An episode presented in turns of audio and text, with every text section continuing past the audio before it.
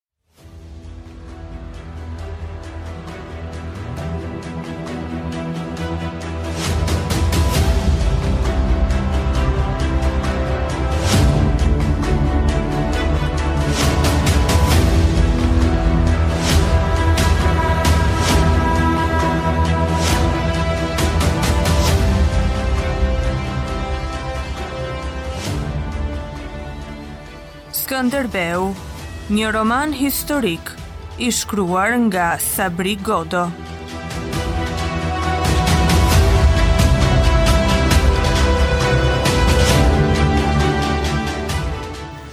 Kapitulli 22. Rrethimi i parë. Svetigradi kishte ndalur vërshimin e ushtrisë së sulltanit në Arbëri dhe rrethimin e Krujës.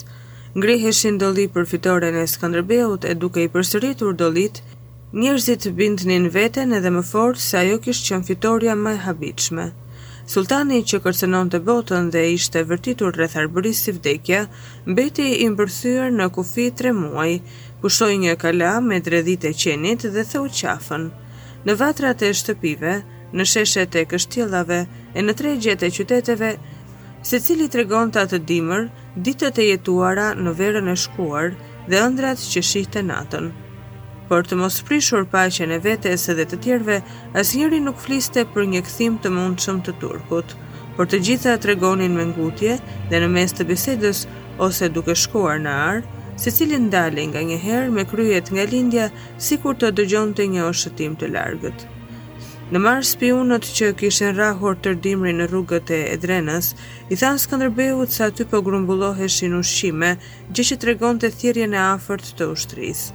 Ai ndalej më shumë se të tjerët të dëgjonte gjëmimin e largët të turkut dhe i dukej se i shihte vetëtimat. Por ai u mbajt i qetë dhe punoi për kështjellat deri në ditën që ra Berati. Teodor Muzak Korona dergjej në shtratin e vdekjes. Dy djemtë e tij ishin në shërbim të Turkut të shkëputur nga i ati. Skënderbeu dërgoi në Berat Pal Maneshin, të merrte pas vdekjes së Teodorit kalanë në emër të Lidhjes së Lezhës. Turqit erdhën nga Gjirokastra natën, kaluan muret me tradhëti, dhe therën garnizonin prej tetëqind vetash bashkë me Palin dhe Teodorin. Skënderbeu kishte lënguar për Svetigradin, Ai flinte si një njeri që e di portën e shtëpisë të hapur. Tani, me një vretje djallëzore të turkut dhe pikërisht në orën e rrezikut, humbi kalanë më të madhe të jugut. Të mos harrojmë Danjën, tre vjet kemi humbur tri kështjella, i thoshte ai Vrana Kontit. Arbëria mbetej në mesin e rrugës si një pre e lehtë dhe s'ishte e mundur që sulltani të mos vinte. Nëse më parë të tjera synime kishin penguar fushatën e Arbërisë, tani ajo do të mënjanonte çdo qëllim tjetër të sulltanit. Skënderbeu thirri në Krujë mbledhjen e ngutshme të Lidhjes, disa nga krerët erdhën vetë, ndërsa disa të tjerë dërguan përfaqësues. Kishin ardhur dhe dukagjinët dhe dushmanët e pajtuar. Araniti kishte dërguar djalin e madh, Kostandinin. Nëpërmjet Muzakës, burrit të Mamicës, Araniti i kishte çuar fjalë Skënderbeut se duhej t'i hiqte shpresat nga ndihma dhe miqësia e mëtejshme, po të mos martohej, me vajzën e tij. Skënderbeu tha në këshillë se nuk duheshin koha dhe vendi i ardhjes së turkut, por ai do të thërriste ushtrinë në fund të prillit dhe secili le të përgjigjej me atë që i vinte ndorësh. Prirësit rrinin në përgjim. Ai gjithnjë i kishte habitur me vërtetësinë dhe befasinë e fjalës. Ai mbushte sallën me trupin e tij. Ishte i ngritur tepër lart, në shtatë vjet, dhe shumëkush priste të shihte se ç'do të bënte më tej. Në këshill zotëronin zvarritja të folurit me hua dhe mirësjellja. Skënderbeu ndjente braktisjen. Pak nga pak po e pushtonte krenaria dhe u bë i heshtur. Araniti mund të luftonte në tokën e tij dhe nuk mund të shkonte më larg. Ndihma që mund të priste nga disa krerë të veriut ishte të mos e tradhtonin e të kishin kështu krah të mbrojtur. Venedikut i ecte mbarë tregtia me sulltanin dhe do të kalonte menjëherë në anjësimin e plotë. Roma dhe Napoli kishin përcjellë Pal Kukën dhe Gjergj Pelinin me urime. Atje ishin të sigurt se sulltani po mblidhte në Edrenë fuqinë e perandorisë për t'u hedhur mbi Arbërinë. Papa dhe mbreti nuk do të vinin paratë në një ndërmarrje që duhej vajtuar si e humbur. Ditën e tretë të këshillit Skënderbeu dinte se ku duhej të bazonte luftën. Topiajt, Muzakën, Moisiu, Stresët, do të ishin me të si dhe Vrana Konti, që s'kish ç'të jepte tjetër veç krahëve dhe kokës së tij të mençur. Skënderbeu mund të ngrinte në këmbë një ushtri prej shtatëdhjetë mijë vetësh dhe të mbështetej në trekëndëshin Krujë, Petrelë, Stelush dhe këtu do të bënte ballë furisë së turkut. Ndërsa krerët e veriut po largoheshin nga Kruja, duke lënë atje disa premtime, nisi të përhapej paniku ngadalë, që u rrit në pak ditë dhe shtriu krahët në tërë vendin. Me rënien e Beratit u rishfaq katastrofa e Sfetigradit, rrugët e turkut ishin të lira në lindje e në jug dhe ai po trokiste shumë shpejt në derën e secilit. Këtë lajm e dëshmonte thirrja me ngut e Këshillit të Lezhës, se e dëshmonin gojarisht udhëtarët ndërsa vinin dhe disa shenja të qiellit. Martin Plaku, shërbëtor i Kishës së Shën Gjergjit, betohet në Ungjill se duke u kthyer nga Kashari, kishte parë mbi Krujë tri hëna të kuqe. Hej të vraftë Zoti, askush s'e ka parë më tepër se një hënë. E thanë njerëz të sigurt se në Muzak u lutën për shi dhe ranë gurë qielli. Në Skuraj një fëmijë gjashtë muajsh u ngrit në këmbë në mes të ditës dhe thirri me zë burri, Turku, Turku! Ç'të jenë këto thënie të qiellit? Vëllezër, erdhi fundi, kemi harruar Zotin dhe ai po na dërgon ndëshkimin. Një pjesë e popullit u derdh në kisha dhe në vende të shenjta. Vendi ngjante arës me grurë në furtunë. Disa zunë të emigronin në Itali e Venedik. Skënderbeu u gjet para një armiku të dytë të rrezikshëm e të padukshëm, që nuk pritej me shpatë as shpohej me shtizë, dhe që mund të luftohej vetëm nëpër rrugët prej nga kishte hyrë. Skënderbeu thirri në mbrëmje atë Ndrenë, peshkopin e Arbërisë. Biseda e tyre u soll rreth jetës dhe fesë.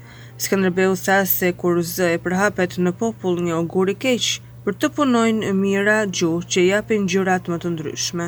Këto duheshin ndalur. Atë Andrea kuptoi se kërkohej prej tij të dilte përpara si njohës i vërtetë i të fshehtave të qiellit e të nëntokës, të dënonte herezitë e t'i forconte zemrën popullit. Atë Andrea thirri së pari murgun Martin të jepte shpjegime rreth tri hënave të kuqe. Ishte po ai Martin që në vitin një mijë e katërqind e dyzet e tre, Kishte nxjerrë këmbanën e kishës së Shën Gjergjit nga bodrumi, ndryshe do ta kishte pësuar keq të flinte me djallin. Plaku Martin doli nga peshkopata dhe po vraponte për në shtëpinë e tij. Sipër, te kodra e Ranës, e kapi nga krahu kumbar Pjetër Uka. A po të ndjeki paudhi, o vëlla? pyeti kumbara. Nuk do të nxirrte as shpenzimet e veta duke më ndjekur, tha Martini. Atëherë po e ndjek ti atë. I ke rënë në kokë. Po ndjek veten time. Nga poçi i verës nuk di si më pat ndal tri hëna të kuqe dhe s'di si më foli gjuha në treg të premten e kaluar. Po Peshkop Andrea ma shpëtoi shpirtin duke më dhënë të pija ujë të bekuar. Filloi ndjekja dhe dëbimi i dreqit nga qyteti i Krujës dhe nga fshatrat. U thirrën të rrëfeheshin secili prej atyre që kishin parë shenja të rreme. Askush s'i kishte parë. Fjalët që aty më parë ishin në gjuhët e shumicës, u kapërdinë dhe në treg mbetën vetëm fytyra të habitura e të penduara. Edhe ai fëmija në Skuraj, ishte dobiç pagoi i një vejushe. Kërkohej të digjej vejusha si shtrigë, por ndërhyri Skënderbeu. Ai kërkoi kryepeshkopit, Ai i kërkoi kryepeshkopit se i ishte shfaqur në ëndërr vetë Shën Gjergji dhe i kishte dorëzuar një shpatë të ndritur. Kryepeshkopi e solli këtë ëndërr nëpër kokë dhe tha se Zoti shpesh qe shfaqur në tokë nëpërmjet ëndrrave të atyre që kanë fatet e popullit në dorë, kurse ëndrrat e pijanecëve të rëndomtë nuk kanë kurrfarë vlere. Atë Andrea që njihte qoshet e mendjeve të besimtarëve tha se ëndrra duhej zgjatur pak, Dhe jo të gjitha gjërat duheshin parathënë, që të ruhej misteri, ndryshe nuk do të ishte një ëndërr e frymëzuar.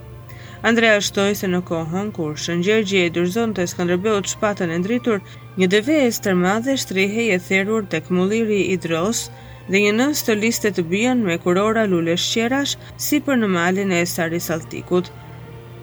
Gjaku i devesë fryu lumin dhe doli në det. Po përse te mulliri i Drojës? Këtë mund ta shpjegojë vetëm Shën Gjergji me një shfaqje të dytë.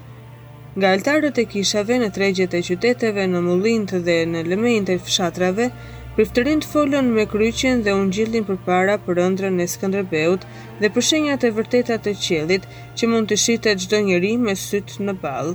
Priftërinjtë e murgjit, Zunë të shihnin nga ana e tyre ëndrra edhe më të çiltra.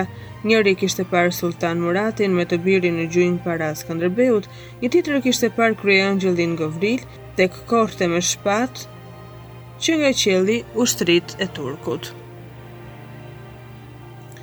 Në mbarim të prillit, Skënderbeu thirri Këshillin e Lartë të Luftës, Pal Engjëllin, Vladan Gjurin, Moisiun, Vranakontin, Tanush Topia. Sulltani ishte nisur nga Edreneja në rrugën e vjetër të Manastirit, në krye të një ushtrie prej njëqind mijë vetësh. Tashmë nuk mbetej asnjë dyshim për drejtimin e kësaj ushtrie. Sulltani po vinte për të çuar në vend fushatën e vitit të kaluar.